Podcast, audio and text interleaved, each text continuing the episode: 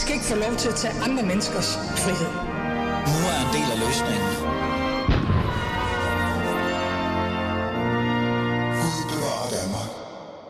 Ja, Gud bevarer Danmark. Velkommen til. Du lytter til Alis Fæderland, og mit navn er Ali, er min Ali som altid. Det er jo en, øh, det er jo en svær øh, dag at stå her og skulle lave et nyt program øh, generelt, øh, og det ved vi jo alle sammen godt, hvorfor. Øh, der var jo en tragisk, øh, et tragisk skyderi, en tragisk hændelse. Vi ved jo ikke 100% hvad der er op og ned i går i Fields, hvor en, øh, en gerningsmand øh, besluttede sig for at skyde på helt uskyldige danskere. Det kunne vi godt lave et helt program om i dag. Det havde jeg faktisk også lyst til, men jeg har faktisk øh, besluttet mig for at holde fast i det program, jeg allerede havde planlagt før hændelsen i går, og så dedikere et øh, helt nyt program til selve episode, men måske også, hvordan vi skal håndtere det i virkeligheden til på onsdag. Det kommer der mere om øh, senere, men, men sådan er det. Så jeg synes, at øh, det er det, vi gør i dag. Så lad os øh, tage fat i øh, emnerne og det program, vi har i dag. Det, jeg havde planlagt i dag, og som jeg kommer til også til at have, at have fokus på i dag, det er, hvordan er det egentlig at være bosiddende i København og være en del af det her Københavner storbysagtige liv, og lige pludselig så tage det hele og flytte ud. Øhm, er der egentlig forskel? Kan man mærke forskel? Og kan man også mærke, hvordan øh, stemningen er, og den politiske, hvad kan vi sige, øh, fokus er? Øhm, jeg har besluttet mig for at ringe en person op, som både har skrevet om det, men også har oplevet det på egen krop. Nu prøver vi lige at ringe og se, om hvad der sker.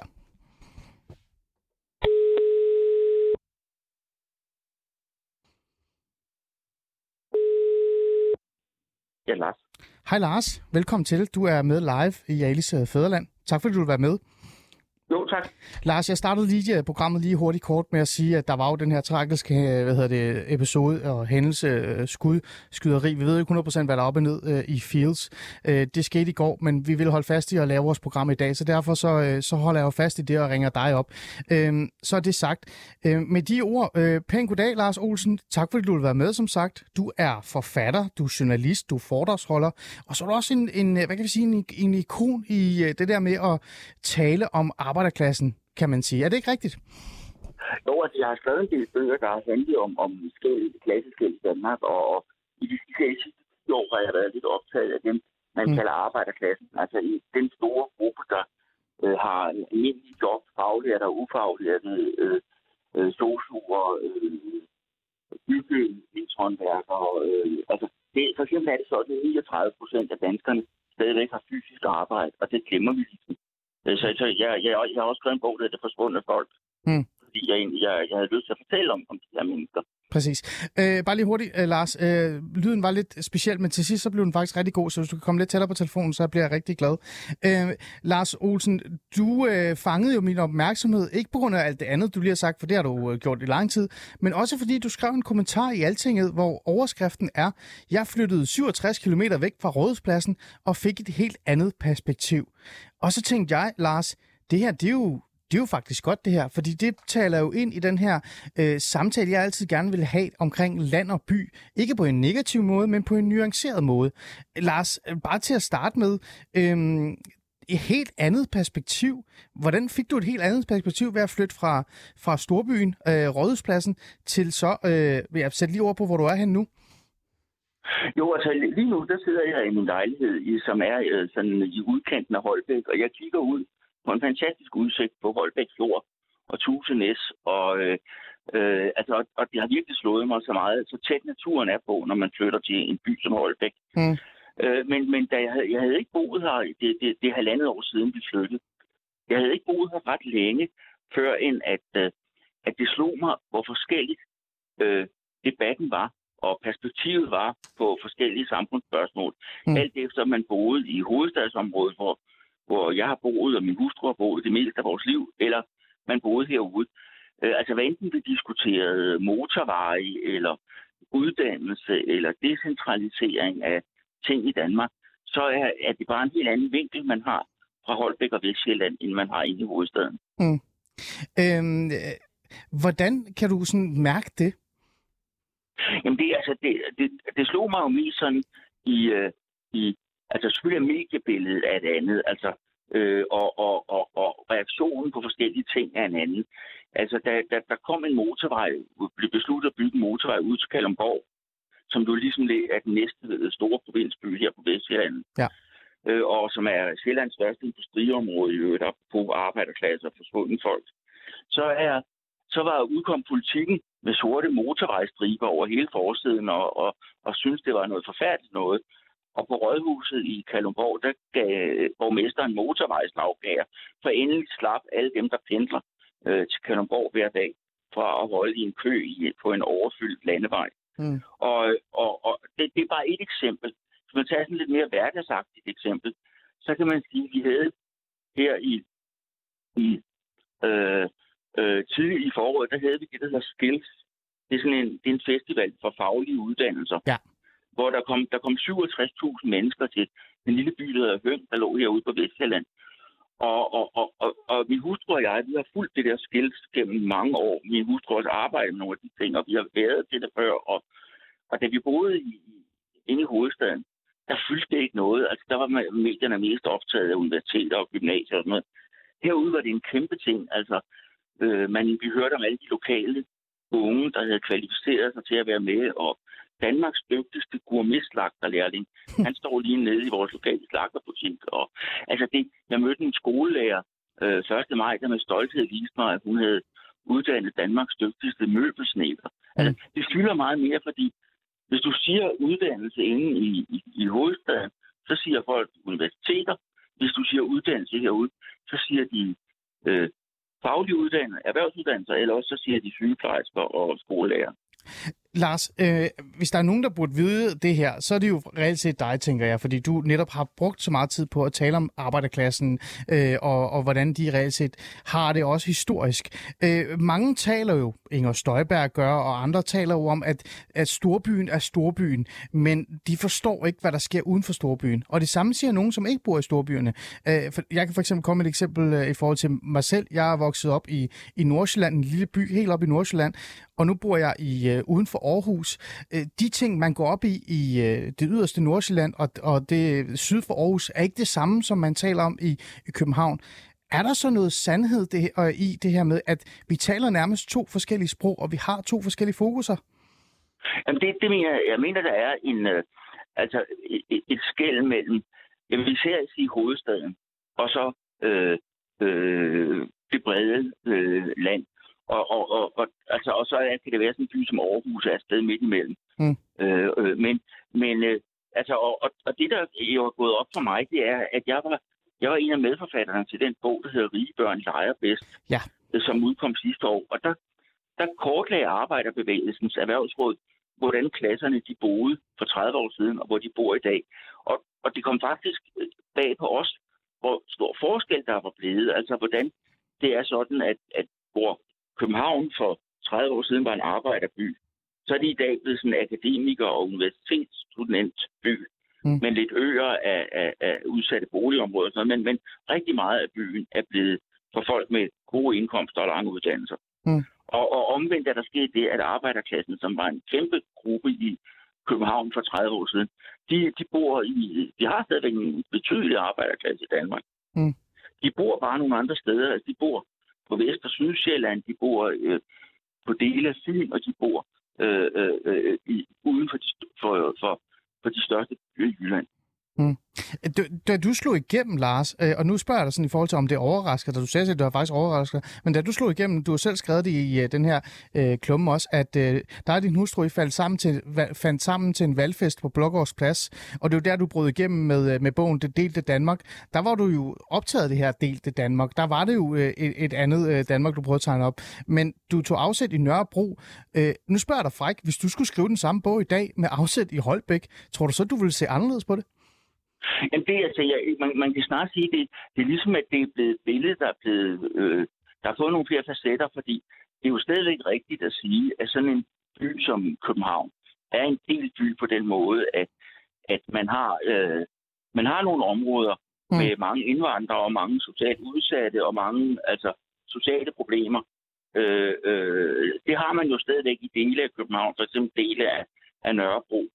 Øh, men så er der sket det, at, at det meste af byen er blevet meget rigt og mm. meget og præget af folk med lange uddannelser. Og den, den deling af storbyen, det er den, der startede med, med det delte Danmark. Ja. Og det, der så gik op for mig, øh, eller op for os, da vi så øh, arbejder med rige børn, det er, at der, der også er den her regionale deling, altså mellem en hovedstad med øh, hvor folk, de, der har en helt anden social sammensætning og langt flere højindkomster og langt flere akademikere, og så øh, det brede land, øh, hvor arbejderklassen og den lavere middelklasse bor mm. i dag. Men, men, men Lars, når man så har det, i mente, ikke? og man kigger på, hvordan tingene er så, og du også selv siger, at der er sgu forskel. Det er der det ikke. Der er, men der er forskel. Er der så noget om snakken, når sådan nogen som Inger Støjberg og nogle andre, og det er ikke, fordi vi lige skal bruge hende, men også sådan en som mig i virkeligheden, og jeg er sgu ikke Inger Støjberg, går ud og siger, kære venner, det der med københavnske salonger, det lyder måske lidt dumt at sige, men der er forskel. Vi tænker faktisk anderledes. Vi har anderledes fokus, og det skal man huske på, når man sidder på Christiansborg på, i, i de øh, københavnske, jeg ved det ikke, øh, caféer med deres kaffe latte i hånd. Det skal man altså huske på, fordi der er forskel på, hvor, hvad folk i Lolland og Holbæk tænker, og hvad, hvad folk i, på Vesterbro og Østerbro tænker. Jamen, ja, det mener jeg, at Inger Støjberg har ret i. Altså, jeg, jeg, er, jeg er også uenig med i andre ting, men, men jeg tror, hun har et fantastisk stærkt tema i det her med, med øh, øh, forskellen på provinsen og hovedstaden.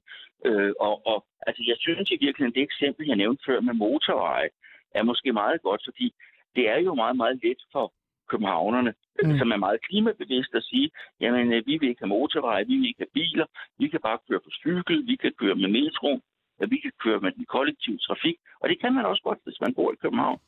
Øh, problemet er bare, at hvis du kom, når du kommer herud på Vestjylland, så er verden bare en helt anden. Altså, ja. kan du ikke? Altså, selvom jeg, jeg kører meget med tog ind til København, men, men, men hvis, du, øh, du, hvis du skal på kryds og tværs, så kan det ikke lade sig gøre andet, end hvis du har en bil.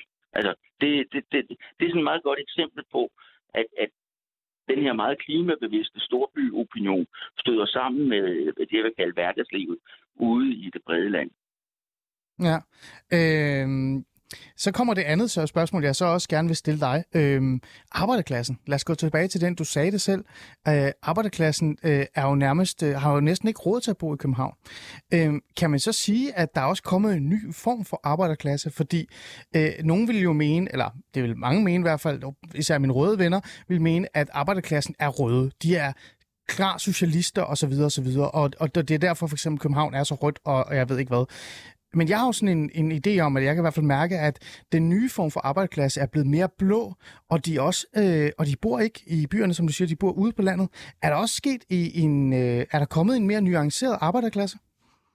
Øh, altså, der, der er sket, det, det, det, det er faktisk sjovt, du spørger om det, fordi øh, det er noget, også noget af det, en af øh, de kortlæggede rigebørn, der er bedst, hvor en af medforfatterne er jo Jørgen Gård Andersen, der er professor i vælgerholdninger. Og han, han, han, han dokumenterer, at arbejderklassen er faktisk røde på den måde, at hvis du spørger dem, hvad de mener om, øh, skal de rige betale mere skat, øh, øh skal vel, vi have velfærd før skattedeltelser og ah. den slags ting, så er de røde.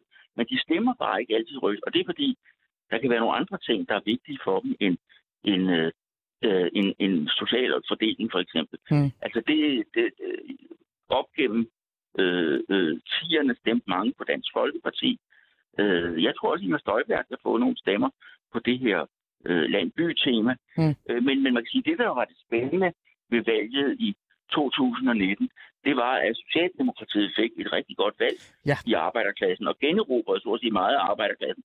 Og, og når du kigger på et landkort, så er det meget typisk, at de områder, hvor Socialdemokratiet får over 35 procent af stemmerne, det er der faktisk en øh, pæne del af Danmark, ja, der skal du til sådan nogle hvad skal vi sige, arbejde, områder, hvor der bor mange faglærte og ufaglærte, men også gamle arbejderklasseområder med en, en politisk tradition for stærke fagforeninger og mm. politisk mm. debat, altså Frederikshavn, ja. øh, det nordlige Alt mm. eller Næstved for at tage tre eksempler. Ja.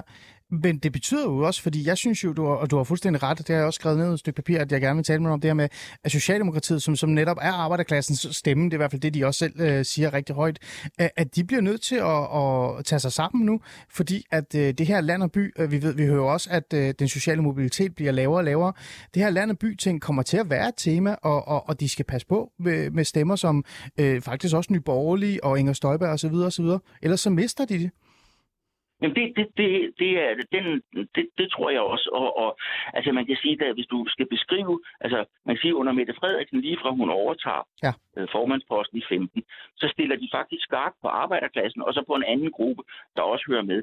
Og det er, er de offentlige ansatte øh, middelklasse, som, altså man kan sige, det historisk var Socialdemokratiet støttet sig på arbejderklassen, og også på skolelærer, pædagoger og, og sådan offentlige ansatte Mm. øh, frontpersonale. Det var de to grupper, der bar partiet. Og det var dem, Mette Frederiksen vender tilbage til og stiller skarpt på. Og vi har Arne pensionsforslaget, der flytter mange stemmer.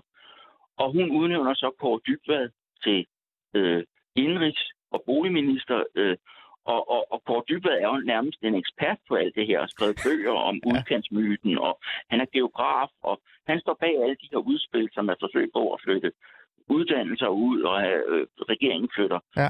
eller laver nærpolitikpersoner osv. Ja, Og så kommer kommunalvalget, som gør dem bange. Mm. Og så øh, nu er de sådan lidt, øh, virker de lidt, lidt, øh, lidt usikre på, hvad de vil. Mm. Øh, og, og, og der tror jeg altså, hvis ikke, hvis ikke de, de ligesom holder fast i den linje, de havde øh, fra sidste valg, så risikerer de simpelthen, at nogen går til Inger Støjberg, og nogen måske bare slet ikke stemmer. Mm. Lad os komme tilbage til dig, øh, Lars øh, Olsen. øh, fordi det der, historien starter, så lad os også lige bruge lidt tid på, og så slutte af der også i virkeligheden. Nu er du jo øh, brugt størstedelen af dit voksenliv, kan man jo sige, i storbyen. Nu er du i Vestjylland. Øh, Lars, øh, hvordan øh, har det påvirket dig sådan personligt? Øh, er du begyndt at tænke andre tanker? Kan du godt lide motorveje nu lige pludselig, og drikke sort kaffe, og jeg ved ikke hvad? ja, ja, jeg, jeg har altid drukket sort kaffe, og jeg nu har Ja, det tænkte jeg også. heller aldrig haft den der, øh, altså den der storbymodvilje mod motorveje. Altså, jeg, jeg tror vejen, det ligger jo mere i, at, at vi skal have nogle elbiler til at køre på dem, Ja. øh, øh, end, end vi skal være Det imod motorveje. Men har det haft det? Altså, kan du mærke det, Lars? Altså, kan du mærke, at, at øh, den her vestjyllandske snak og fokus øh, ændrer lidt i dig? Jeg synes, altså, dels synes jeg, at jeg, øh, at, at jeg har fået bekræftet den her afstand, som jeg egentlig måske havde et lidt teoretisk forhold til, Mm. øh, øh, øh, der, da vi begyndte at arbejde med rige børn og kunne se den der deling af Danmark. Den har jeg så at sige fået kød og blod på. Men, men så bliver jeg jo også optaget af nogle andre nogle arbejderklassehistorier. Jeg tager et helt konkret eksempel. Ja, gerne. Kom En af, en af tophistorierne i vores lokale tv herude, TV2 Øst, det har været den blokade, den blokade der har været nede på Femern-forbindelsen, Ah, hvor de polske arbejdere for første gang går ud i en stærk kollektiv aktion, blokerer hele øh, byggeriet og siger, at de vil have lige så meget løn som danskerne. Mm. Og det, det er jo en fantastisk aktion, som ikke har fyldt så meget i det store mediebillede, men som har været tophistorie i dage, fordi vi nu ligger i det område, hvor Femern-byggeriet er en af de store ting, der sker, og, og, og, og hvor det her så er en, en, en, en rigtig, rigtig spændende ting, som tv gør meget ud af. Mm. Og det er jo en nyhed, der fylder meget mere herude. Ja. Fordi det er simpelthen nogle andre mennesker, der bor herude. det, det giver god mening. Øh, hvad med øh, klimaet og sådan nogle ting? Altså, fordi jeg- jeg har det sådan lidt, øh, Lars, klimadebatten og klimaløsningerne, de fylder jo rigtig meget. Øh, men når jeg er i Aarhus, øh, i Aarhus Syd, og den der Aarhus, der fylder det sgu ikke så meget af mine venner og bekendte, når jeg taler med dem eller mine naboer. Men når jeg kommer tættere og tættere på København, så er vi klar til at springe alle biler i luften, og det hele skal bare være cykler.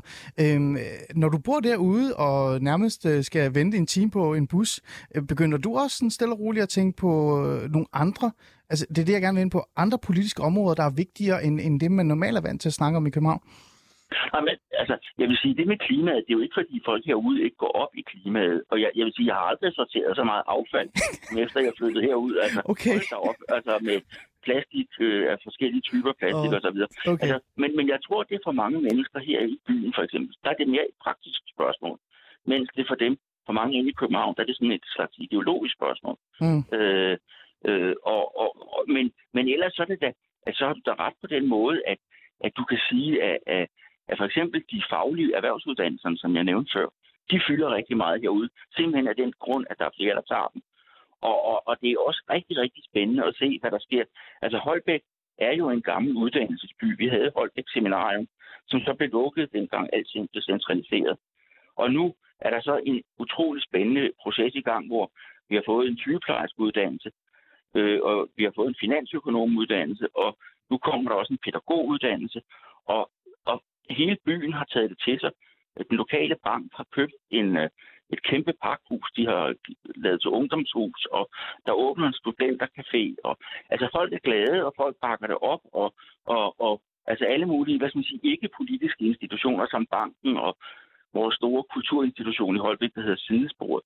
Altså de støtter den her proces, og og, og det synes jeg er spændende at følge, for eksempel når man er fra første paket, når man nu bor her. Hvordan, hvordan fungerer den her decentralisering af uddannelsessystemet? Hvordan fungerer den on the ground ude i, i, øh, i øh, der, hvor uddannelserne kom, mm. opstår? Mm. Fordi vi hører i de store medier, der hører vi jo kun alle de der sure universitetsfolk. Men ja. herude, der er folk glade, og de tager det til sig, og de arbejder konkret med tingene. Mm. Igen, vi er tilbage til, der er sgu nogle forskelle, Lars.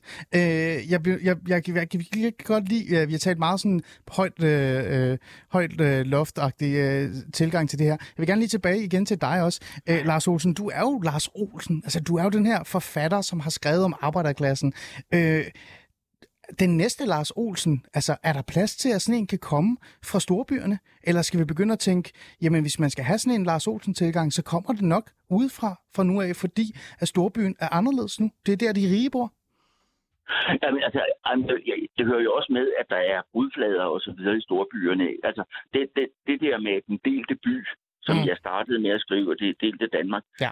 Øh, altså, tager sådan en by som Aarhus, for, som du jo selv bor i, ja. så er der jo virkelig forskel. Altså hvis du tager, øh, øh, du har en, en midtby, der er, er sådan, med mange studenter og akademikere, ja, og så har du, men så har du også øh, altså hele det vestlige Aarhus med, ja, ja. med Gellerup-parken, og, du har, og så har du en masse blandede områder ude i periferien af Aarhus Kommune. Mm. Så det, altså, det, det, jeg tror også, det, det hovedstaden, mener jeg, bliver stadig mere apart. Mm. Og øh, der bliver de der øer, af blandede områder og udsatte områder, de bliver mindre og mindre.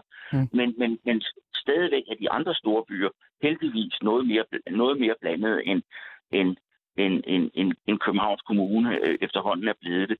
Og, og, og, men, men selvfølgelig er det, er det sådan, at, at, at, at specifikt de her arbejderklasse spørgsmål, de, vil, de er knyttet til nogle bestemte områder på Vestjylland og i dele af Jylland og dele af Fyn. Mm. Øhm, her til aller, aller sidst, øh, Lars, lad os lige gå forbi det, fordi at det, det er også noget, du kommer ind på i klummen, og det er også noget, du reelt set har forholdt dig til, øh, også via dine bøger, den her ge- geografiske skævhed, som man skal være opmærksom på. Øhm, er det forkert at sige, at vi muligvis står i en, en, en lidt ny tid, hvor den geografiske skævhed virkelig er noget, vi skal være opmærksom på, fordi at storbyerne de stikker mere og mere af, og så er der nogen, øh, en, en, en målgruppe, der sidder fast i Lolland og, og så videre andre steder, som føler, at de ikke bliver hørt, de ikke bliver set, og, og man heller ikke har lyst til at høre på deres løsninger og deres tanker. At skal man være opmærksom på den? Ja, jamen det tror jeg bestemt. Altså, hvis man kigger, hvis, hvis man kigger ud i verden, så kan man jo sige, hvis nu, nu, nu har vi Ukraine-krig, og vi har diskuteret meget øh, corona og sådan noget. Ja. Men hvis man kigger øh, sådan, i 5-20 års perspektiv, så er nogle af de store ting, det er jo valget af Trump i USA, som meget blev båret af, af, af, af folk ude i, i, i, ude i, i det amerikanske land, hmm. der, ikke, der ikke følte sig set af storbyerne. Ja, Eller præcis. de ude vest i Frankrig, ja. som jo også var sådan et, øh, man kaldte det et arbejderklasseoprør fra det perifere Frankrig. Hmm. Så, så, så jeg tror, man kan sige, at der er en underliggende tendens til, at især i, dag, I Danmark vil jeg sige, det er især hovedstaden kontra det brede land. Ja. Men det er, det er de i et vist omfang også, altså Stor London kontra store dele af England for eksempel. Okay. Altså det er en modsætning, vi ser i andre lande, og det er en, der vil komme til at fylde mere og mere. Altså også af den simple grund, at, at, at det handler ikke bare, altså det bliver tit gjort til sådan noget København, når der er for langt til København. Ja. Men der er også sket det, at den sociale sammensætning, altså det er ikke bare blevet et geografisk skæld, men også et socialt skæld. Altså når Inger Støjberg taler om de fine salonger i København, mm. så er det jo sådan det, man vil kalde sådan et klassesignal mm. i virkeligheden. Ja. det, er, det er de der kloge over, og de har mange penge, og de har fine eksamensbeviser, men de, de kender ikke så meget til det. Og det, det tror jeg er, det er jo en blanding af en social ting og en geografisk ting. Mm. Og det, det tror jeg, vi kommer til at se mere af. Det er jo interessant, det du siger her til sidst, Lars, som jeg lige slår ned på, mens jeg får min uh, gæst ind i studiet, at, at uh, vi taler med eventuelt er begyndt at tale mere og mere om det her med storby versus udkants Danmark. Men i bund og grund, hvis man skal alle løgne af, så er det øh, måske en klassesnak, altså en, en klassedebat, vi er ved at tage, tage fat i igen.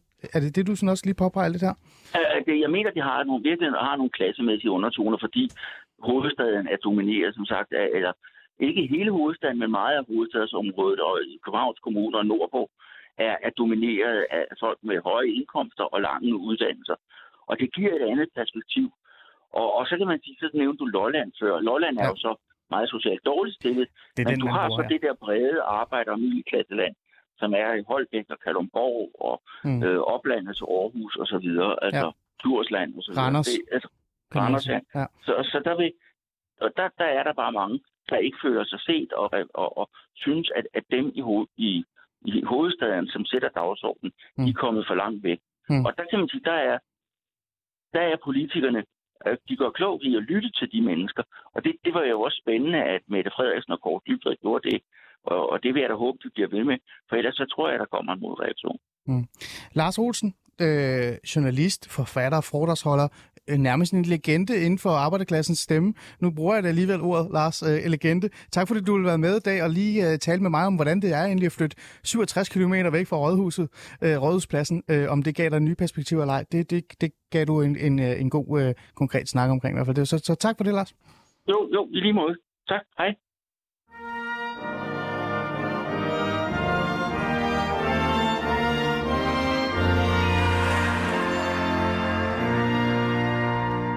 Du lytter stadig til Alis Fæderland, og mit navn er stadig Ali Amin Ali. Vi talte lige med Lars Olsen, forfatter, journalist og så videre og så videre omkring, øh, hvordan det er at flytte øh, 67 km væk fra Rådhuspladsen. Og det virker som om, det er faktisk noget, øh, han kan mærke. Jeg har fået øh, en anden gæst i studiet, for nu skal vi tale om noget helt andet. Vi skal tale om Radikal Venstre, om Mink-kommission, Mette Frederiksen og så videre. Men jeg får ikke lyst til at spørge dig også, Clara Halvorsen. Velkommen i studiet faktisk. Tusind tak skal du have. Jeg har lige brugt lidt tid på at tale med Lars Olsen, som er den her journalist og forfatter, øh, som taler meget om arbejderklassen, som er vokset op i Storkøbenhavn, og, eller i hvert fald boet i Storkøbenhavn meget af hans øh, liv. Han flytter 57 km væk fra Rådhuspladsen, eller 67, og får et helt nyt perspektiv. Øh, hvordan, øh, hvordan har du det med det? Altså det her med storby og mod, eller versus udkants Danmark, eller hele debatten omkring det. Synes du, det er noget vrøvl, eller er der noget i det? Jamen altså, øh, nu kan godt være, at jeg er opstillet her i København, men jeg er jo faktisk ikke engang, jeg plejer at sige, at jeg er fra Roskilde, og det er faktisk lidt en, lidt en øh, modificering af, af sandheden. Jeg er fra Viby, som ligger øh, 14 km fra Roskilde, og som er noget helt andet i inden København. Så jeg vil sige, jeg har set øh, begge dele, og jeg er virkelig stolt af vores hovedstad, øh, men der er stor forskel på Danmark. Mm. Mm. Man behøver jo heller ikke, ikke at være stolt af sin øh, ens hovedstad, men nu er du jo folketingskandidat for Radikal Venstre. Øh, og, og, og at være radikal er jo også lidt sådan, du ved, café latte Østerbro-segment, der gerne vil have flere cykelstier, og alt skal være fantastisk og sådan noget. På en eller anden måde, ikke? Øh, bare lige- generaliserende. Bare jamen, jeg er super generaliserende. men hvis vi lige holder fast i det her, fordi der er jo meget tale om de her, du ved, kaffesalonger, ikke? Eller øh, hvad, politiske salonger, hvad fanden man kalder dem, københavnske salonger, jeg ved ikke, hvad man skal kalde dem, og så videre, og så videre. Og det blev jo manet fuldstændig til jorden fra, fra mange radikale, mange venstre øh, politikere endda også, og også konservative, og hele det der borgerlige Danmark, ikke? Øh, men er der noget om snakken, når du for eksempel tager hjem til Viby? Er der en anden stemning og en anden fokus, end når du står i København? Det er da, det er da klart, at øh, Viby Sjælland øh, er noget meget andet end øh, Vesterbro, hvor jeg, øh, hvor jeg bor nu. Øh, men for mig at se, jeg synes, det er lidt ærgerligt, det bliver sådan en, øh, en både og diskussion. Øhm, altså sådan meget eksemplificeret med de her uddannelseslukninger, ikke? At, at jeg synes, der skal være uddannelser i hele landet, der skal være liv i hele landet, men jeg synes ikke, det behøver at være på bekostning af en, af en stærk hovedstad. Men det er klart, at Viby Sjælland er jo ikke København. Nej, men skal vi på Sjællands stemme ikke også prioriteres? Er det ikke også vigtigt nogle gange, at Clara Halvorsen, som er folketingskandidat for Radikal Venstre, siger, kære venner, øh, nu tager jeg til Viby og lige høre, hvad folk går mere op i der. Og hvis de faktisk gerne vil have en motorvej, så er det måske okay, at vi også lige husker på dem. Skal man ikke bare huske det også? Altså, jeg er stolt af, hvor jeg øh, kommer fra. Øh, der har ikke nogen, øh, ikke, ikke i sinde overhovedet at, øh, at skjule det. Jeg synes generelt, at vi skal blive bedre til at lytte, hvad der er vigtigt for folk. Øh, jeg lytter lige nu rigtig meget til dem, der bor i København, fordi det er dem og deres stemme, jeg vil skulle repræsentere i Folketinget. Men jeg håber, at virkelig at nogle af alle de øh, dygtige både radikale, men i virkeligheden nogle af dem, som er opstillet fra alle partier, som er opstillet på Sjælland, mm. øh, som er den storkreds, som Viby Sjælland ligger i. øhm, Nu lærer de- du mig lige lidt. Nå, men at de også vil... Øh, Ej, det er fint, det er fint. Og det, det er også fint og klart. Jeg, jeg, jeg hijacker også samtalen lige pludselig Nej, nej, at tale men med altså, dig omkring det. For jeg om, synes øh, faktisk, det var, det var rigtig vigtigt. Men det er jo faktisk ikke derfor, du er, du er her øh, overhovedet. Grunden til, at du er øh, i studiet i dag, for at tale med mig den, den sidste halvdel af mit program i dag, det er fordi, at... Øh, ja, det, det har været nogle specielle dage. Ikke? Der har virkelig været en speciel dag i går, og det har jeg nævnt i starten af programmet, og det er virkelig en tragisk hændelse. Det laver vi et program om øh, på onsdag. Lad det ligge. Men det har også været en speciel tid ud over det der skete i går. Øh, Mink-kommission, Mink-sager, skal Mette Frederiksen gå af, ikke skal gå af. Kort sagt, der er kommet den her afgørelse, redegørelse, rapport, hvad man nu kalder det, fra Mink-kommissionen, som peger på, at der er begået øh, nogle grovligheder. Lad os sige det på den måde. Ikke? Der er ikke sådan direkte peget på, at Mette Frederiksen har gjort noget bevidst, men hun er ubevidst kommet til at gøre noget, nogle, nogle rigtig, rigtig dumme ting. Så har der været en lang snak om, hvad skal der egentlig ske? Ikke? Skal hun gå af? Skal der være folketingsvalg i morgen? Skal der rigsret? Og så videre, og så videre. Til sidst så endte det med, at det nærmest lå på radikale venstre spor, Sofie Carsten Nielsens spor. Du er jo folketingsmedlem for det radikale. Øh, Helt endnu. Det cirka. håber jeg, jeg bliver øh, efter næste valg. Hvis de ikke gør det, så er de virkelig så burde de virkelig tænke sig om. Ikke? Men du er også medlem af forretningsudvalget. Øh, så du er jo lidt af kernen af det her. Øh, men lige pludselig lå det på, på jeres spor. Der gik et par dage, og så kom udmeldingen. Hvad skal der egentlig ske? Det var jer, der allerede stod med, med, med den her beslutning, hvad der skulle re- reelt se ske. Det var Kaffi, øh, Sofie Carsten Nielsen, jeres øh, hvad til, partiformand, der gik ud og sagde kort, vi tager tweetet, fordi den anden er meget længere. Det er tid til en ny start. Der er brug for ny luft. Der er behov for, eller der er brug for at høre danskerne. Opfordrer derfor statsministeren til at udskrive valg efter sommerferien. Og senest inden for Folketinget igen samles til oktober. Det var den beslutning, I tog den blev mødt med både kritik, men også ros. Klar Halvorsen, lad os lige starte med dig. Hvordan var det egentlig at være radikal venstre øh, i de dage der? Øhm, det var... Øh, ja, det var, det var jo... Der var, der var sket, der sket rigtig meget i, øh, i øh, weekenden. Øhm, jeg er meget øh, øh, glad for den beslutning, som er blevet taget. Øh, og jeg vigtigst af alt, så er jeg rigtig glad for den øh, proces, der har været, at man rent faktisk fra Folketingsgruppens side øh, gav sig tid til at læse. Øh, der er jo nogen i dansk politik, der læser rigtig, rigtig hurtigt. Meget jeg ville hurtigt. ønske, at jeg havde læst så hurtigt, da jeg skulle læse til eksamen i sin tid. Så havde jeg nok øh, ja. haft nogle, øh, nogle lidt, måske også nogle lidt bedre eksamener i virkeligheden. Måske. øhm, men udover det, øhm, så er jeg, øh, jeg er glad for den øh, beslutning. Jeg er glad for, at vi har givet os tid til at øh, gøre os nogle overvejelser, til at kigge på de argumenter, på de konklusioner, som kommissionen lagde frem, hmm. øh, og vi så på baggrund af, at de refleksioner, af de overvejelser, så er kommet frem til at drage en politisk konsekvens.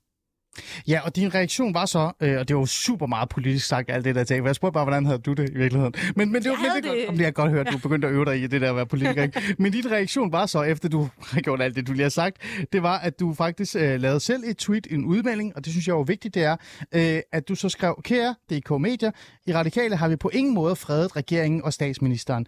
Vi har ikke længere tillid til et partis regering og kræver et nyvalg inden oktober, når danskerne er tilbage på ferie i hvert fald. Ellers udtrykker vi mistillid ved Folketingets åbning. Øhm, klar, grund til, at du skriver det, og også det, det, jeg ved godt, I har siddet og læst det igennem, I har taget den rigtige beslutning, synes I, I har taget den mest fornuftige beslutning, men mange gik jo bagefter ud og sagde, det her, det er jo faktisk at forsvare Mette Frederiksen, og det her med, at altså, at, at øh, anmode om en, eller bede om, at der skal komme øh, folketingsvalg. Ja, ja, det er fint nok. I har faktisk fredet regeringen. Hvordan havde du det med det? Altså, har I fredet regeringen? Det kan du øh, se på Twitter, hvor jeg, jeg havde det med de øh, ja. overskrifter, øh, der blev skrevet. Ja. Jeg synes, det var ærgerligt, at det var i starten var den øh, overskrift, der kom øh, frem på baggrund. Altså det der med fredet regering. Og fredet regeringen, fredet Mette Frederiksen. Øh, det her, det er jo sådan den ultimative politiske konsekvens at sige, at vi beder om et øh, nyvalg. Vi beder om, at danskerne skal ned og stemme, at der skal sammensættes et nyt folketingsvalg. Det vil jeg ikke just kalde en fredning. Altså, en af en statsministers øh, privilegier er jo netop, øh, at det er hende, som øh, beslutter lige præcis, hvornår der skal være folketingsvalg, hmm. inden for den øh, valgperiode, hvor øh, hun er statsminister. Ja. Øh, og der har vi jo sagt, øh, at der forventer vi, at der bliver udskrevet folketingsvalg, ja. Folketinget sammen, senest når Folketinget samles igen. Og hvad er, det, hvad, er det, hvad er det, I siger, at hvis der ikke bliver, så... så... Udtrykker vi mistillid til regeringen, og det betyder jo så de facto, at der kommer folketingsvalg. Ja. Men klar, hvorfor gør man ikke det bare nu? Hvorfor ja. går man ikke ud og siger, ni gider ikke mere?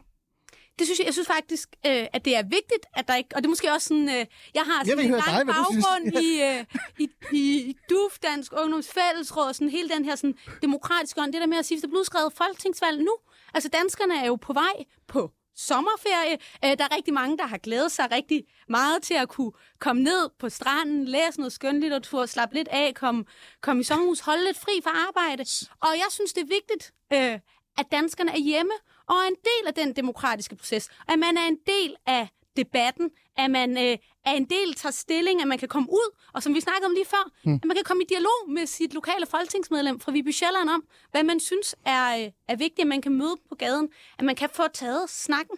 Så det vil sige, at altså, jeres beslutning øh, har også haft den øh, vinkel med, det vil sige folkets vinkel.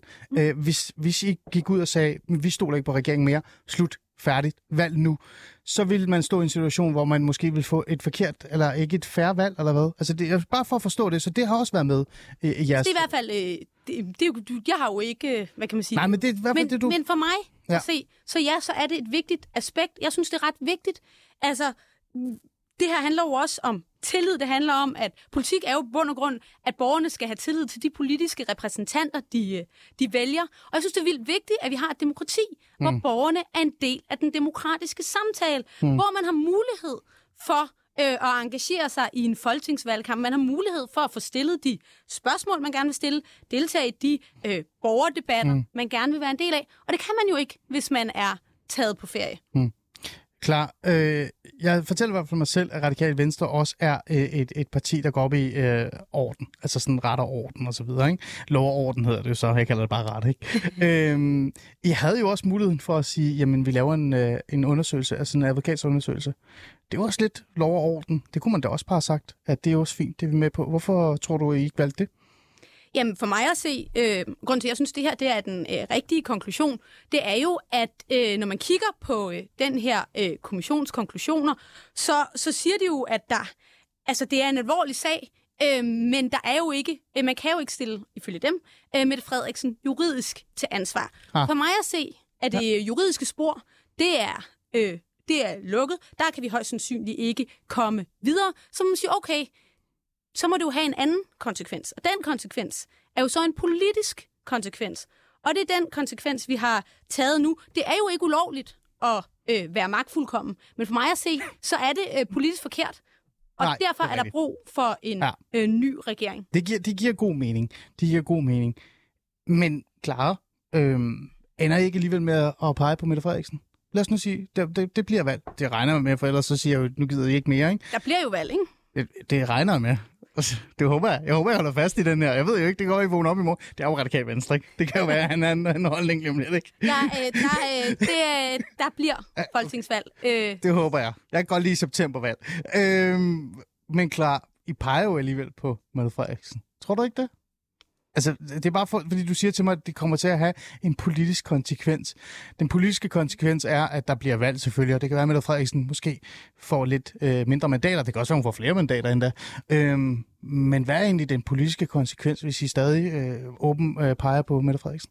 Nu kan man jo sige, at den første politiske konsekvens er jo, at vi har sagt, at der skal være valg. Øh, og det betyder jo også, at øh, danskerne skal sammensætte et nyt øh, folketing. Øh, og det kan se. Altså, vi har også fået en øh, del flere partier siden... Åh Øh, oh, gud, siden jeg kan ikke huske dem alle sammen. Nej, men øh, den stemmeseddel, den bliver lidt... Øh, Den bliver vild. den bliver vild. Ja. Øh, der kommer nogle nye stemmer ind. Det bliver spændende at se, hvordan de mandater øh, fordeler sig. Og jeg har svært ved som folketingskandidat. Øh, jeg, jeg vil ikke som folketingskandidat kunne bakke op om en etpartiregering. Jeg synes, der er brug for en bred regering, og der er brug for en bred regering hen over midten. Men, men mit spørgsmål var, det, det er et godt svar, men mit spørgsmål var, der er jo ikke så store politiske konsekvenser, når I alligevel peger på Mette Frederiksen.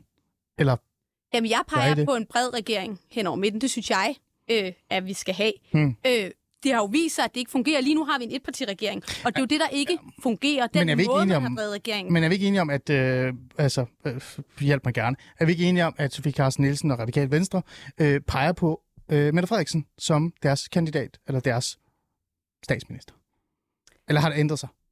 Jeg, spørger. det er jo en beslutning, som Folketingsgruppen de tager, hvem det er, at vi peger på. Vi har tidligere sagt noget, øhm, og så må vi jo se, hvad Folketingsgruppen, øh, om den ændre, holdning ændrer sig. Jeg kommer ikke til at bakke op om en etpartiregering med Mette Frederiksen. Og jeg kunne godt tænke mig, hvis jeg bestemte... Ja, jeg vil gerne høre, hvad du vil bestemme. Hvad har du? Hvis hvad jeg, du? hvis ja. jeg var... Du styrer det. øh, Havde, Sofie Carsten Nielsen, ærgerligt. Du bliver på ferie. Du kommer ikke tilbage. Clara Halvorsen, velkommen til partiformand. Jeg vil gerne have en øh, bred regering hen over midten. Øh, og det betyder jo, at det ikke bare skulle være... Men blå eller rød, eller hvad sker der? Fordi For mig jeg har det sådan, jamen, lidt, det her det er rigtig radikalt svar. Jeg kunne godt tænke mig begge dele. Okay, så en KSRV, det lyder som et forfærdeligt. En øh, SRV-regering. SRV. Men, men jeg skal bare lige, fordi jeg har det sådan lidt... Øhm, så du synes, det skal have en konsekvens? Altså, du synes, det skal have en mere konsekvens end, nu er der valg, og så når valget er slut, så sætter vi os ned alle sammen, og hvis I lover, at vi kan komme med i regeringen, så er det okay. Du Jeg synes sy- faktisk, at det her burde have en konsekvens, hvis man spørger dig. Nej, jeg synes, at det har fået... Jeg synes, vigtigst af alt, den her Mink-kommission har fået en klar konsekvens. Vi har bedt om et folketingsvalg. Vi har bedt om, at danskerne bliver spurgt om, hvordan øh, det folketing skal se ud. Vi har frataget Mette Frederiksen retten Men... til at udskrive. Og for mig at se, så starter der jo... Så kommer det til at være sammensat et nyt folketing Ja. efter sommerferien, Ja. som jo netop skal starte på en frisk. Men kritikken er jo også, at så starter den på en frisk, og så plejer jeg på Mette Frederiksen, fordi I gerne vil regering, så er det ikke et, et, et partis regering, Det er så der, er nu det er et det, det, der er nogen, der øh, Det er udlægger det sådan, ikke? der, Det er ikke? kritik. Nu får du den alligevel, ikke? Så må du svare på den, ikke? Og, og så kommer det smukke jo sikkert til at ske. Jeg ved det ikke, lad os da håbe det for dig, at Clara Halvorsen kommer i regeringen øh, i virkeligheden, ikke? Som folketingsmedlem. Man ved det sgu aldrig. Øhm, er det så godt nok? Er det i konsekvens nok? Fordi nogen siger jo, det her, det er jo øh, at forsvare eller øh, frigøre, eller øh, altså sådan på en eller anden måde med Frederiksen, så man kan få øh, ministerposter, så man kan komme i regering. Altså, nu, så sk- det er jo klart, med en øh, ny regering, uanset hvordan den ser ud, så skal der øh, laves et, øh, et, øh, en, et nyt forståelsespapir, en ny aftale, der skal sættes nogle nye visioner. Og så kommer det her jo også med øh, en vision om, at vi er nødt til at kigge på, hvordan øh, demokratiet fungerer. Der er allerede blevet varslet en øh, revision af offentlighedsloven. Det synes jeg personligt Er rigtig vigtigt. ekstremt Ja. vigtigt. For den Det er har der de brug virkelig for. stået meget det kommer på, ikke? jeg, hvis jeg Ja. ja. bliver valgt til at stå meget, meget fast på, at det skal Ja. ja. ske. Og der er nødt til at kigge på, hvordan det er, at øh, staten og regeringsapparatet har været struktureret indtil nu. Det er jo også det, vi tager et opgør med, ikke? Hmm. At man har centraliseret magten, magten at man har svækket øh, fagsministerierne. Øh. Hmm. øh, vi, er nød, vi er nødt til at få lavet det Men synes, om. du, men synes du klart, det er altså, synes du, det er noget pjat, når folk siger, at I har fredet øh, Mette Frederiksen, fordi I gerne vil have ministerposter og vil sidde i regeringen? Synes du så faktisk, det er noget pjat, når man siger sådan noget? Jeg synes, øh, ordet fredet er forkert. Mm. Fordi jeg synes ikke, det er at frede en statsminister, at, der bliver, at man stiller krav om, at der skal udskrives valg. Altså et krav om at få udskrevet valg, det er en rimelig stærk politisk konsekvens. Det er en af de ultimative politiske konsekvenser, mm. øh, at man beder om, at der bliver udskrevet et valg. Det synes jeg ikke er en fredning af statsministeren. Øh, så er der den her snak om advokatsundersøgelsen. Der er jo nogle øh, partier på den borgerlige fløj, der har besluttet sig for, at den kommer sgu ligegyldigt hvad. Mm. Altså, Nye Borgerlige er nærmest begyndt at, altså, fordi jeg kunne så de selv begyndt at, at samle penge ind til at lave advokatsundersøgelsen. jeg ikke? Ja, øh, konservative var ude og sige, at, at det kan, kommer nok til at ske alligevel, hvis de får magten. Ikke? Hvis der kommer en blå regering, så kommer der en advokatsundersøgelse og sådan nogle. Øh, tror du, at, øh, igen, nu tager vi fokus i dig. Vil du stå i en situation, hvis du var folketingsmedlem, eller bliver folketingsmedlem, at du så siger, det er måske alligevel en god idé. Nu er vi forbi et valg. Vi har fået folkets stemme. Den er på plads. Men retssikkerheden er stadig vigtig. Vi skal have undersøgt, hvad der egentlig er op og ned i det her. Nej, altså for mig at se, så er det juridiske spor øh, endt øh, der. Det er jo derfor, at øh, vi har drejet en politisk konsekvens. Derfor jeg synes, det rigtige har været en politisk konsekvens. Når man kigger på de konklusioner, der har været, så er der jo en enorm øh, skarp kritik øh, af øh, statsministeren. Men øh, der er ikke, øh, man ligger ikke op til, at der kan være nogen, noget juridisk spor at følge der. Og det læner jeg mig op af. Så den for er mig punkt. at se, Ja. så er den lukket, i hvert fald for mig. Okay. Klar. Øhm... Jamen, du klarer det jo fantastisk. Som altid, der havde jeg også regnet med, det er forfærdeligt. Jeg kan ikke lide det. Øh...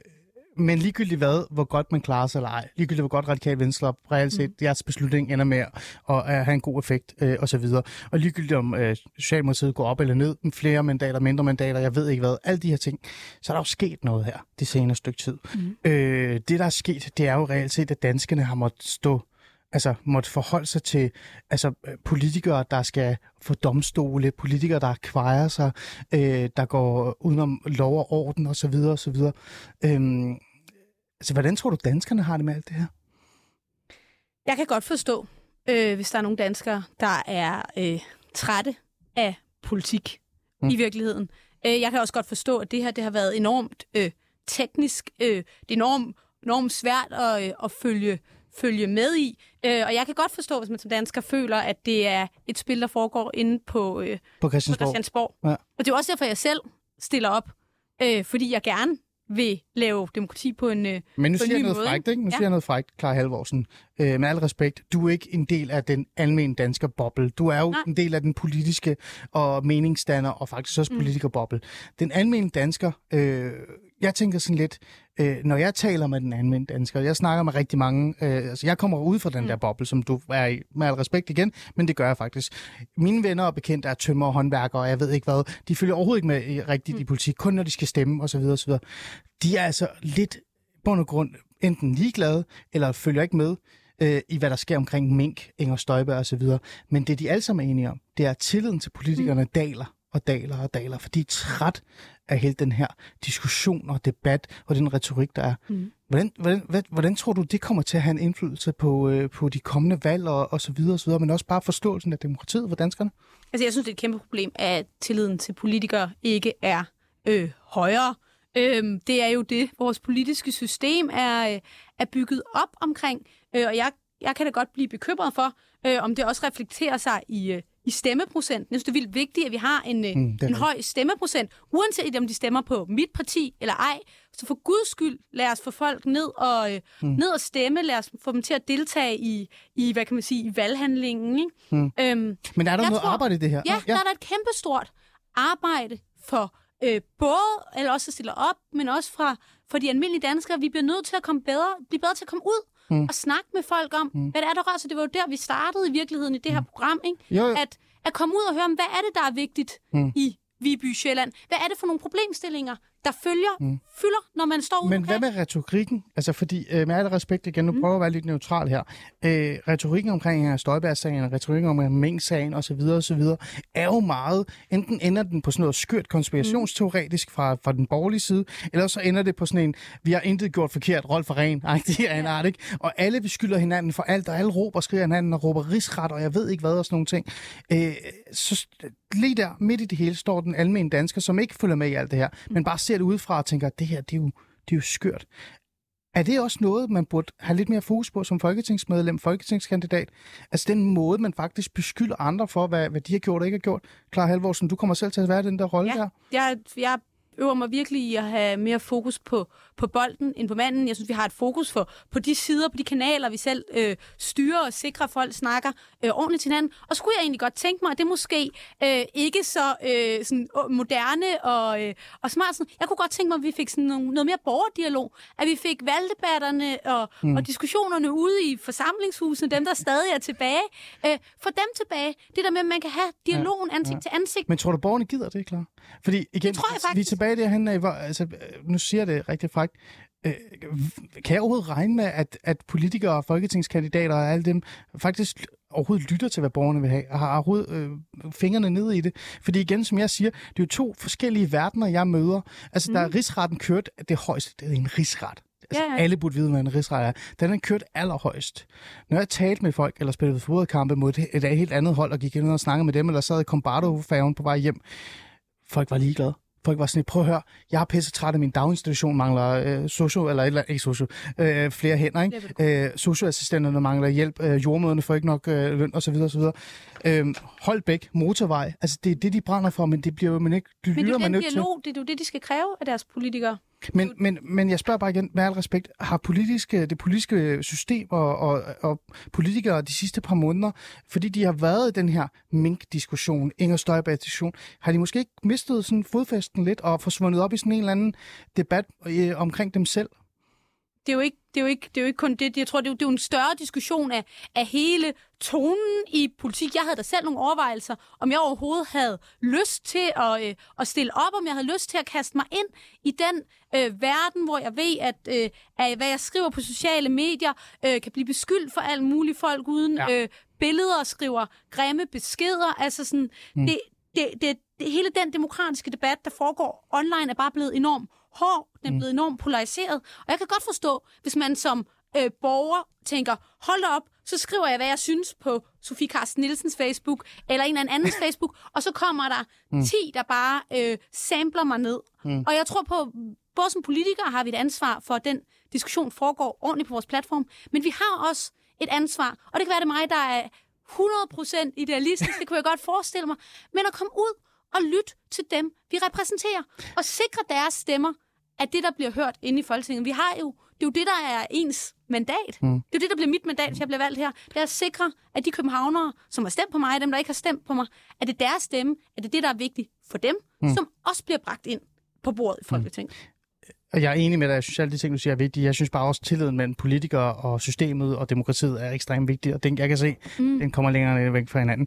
Sofie Carsten Nielsen sagde, at det her det er tid til en ny start. Der er brug mm. for en ny luft. Øhm, Klar Halvorsen, når det her valg kommer lige om lidt, øh, forhåbentlig, regner jeg med, så kigger jeg på dig rigtig ondt til september, klar. Øhm, det er godt vejr der. Øhm, tror du så, at der reelt kommer en ny luft og en ny forandring og en ny start? Eller tror du, oppositionen kører videre, som de gør? Mærkelige konspirationsteorier fra den ene side, hård kritik fra den anden side, og så kører den her bare videre. Øh, men der er bare flere, øh, altså taburetterne er bare delt mere ud blandt øh, partierne. Jeg er nødt til at tro på, at der kommer øh, ny luft.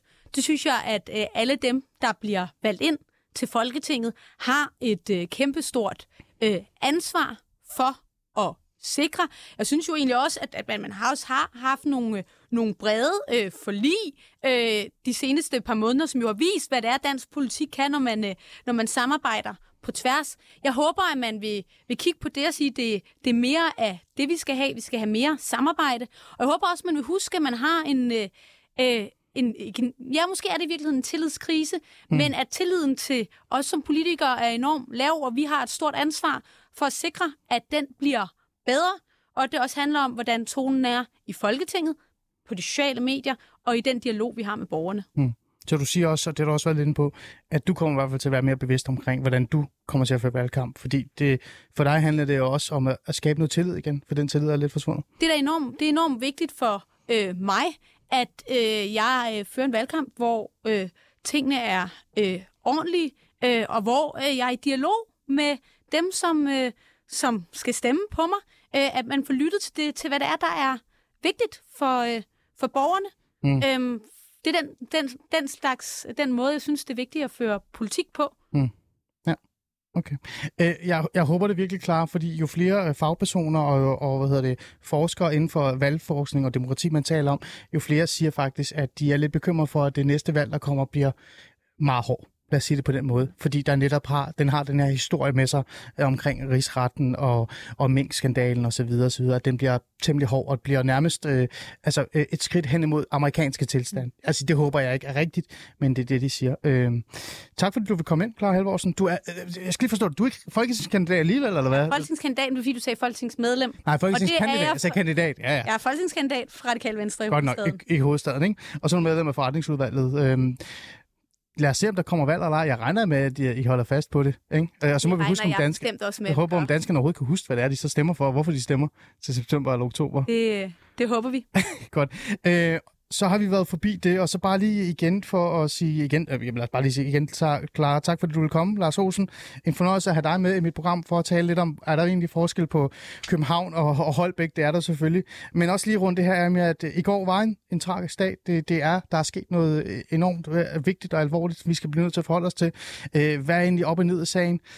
Det er der en masse af mine kollegaer, der nok skal forholde sig til. Men på onsdag, øh, kære lytter, der kommer vi til at lave et program, hvor jeg vil forsøge at tage det fra et råd, sådan socialrådgiverperspektiv. Jeg vil prøve at få øh, en masse folk ind, som kan tale om, hvordan håndterer vi sådan nogle kriser med vores børn.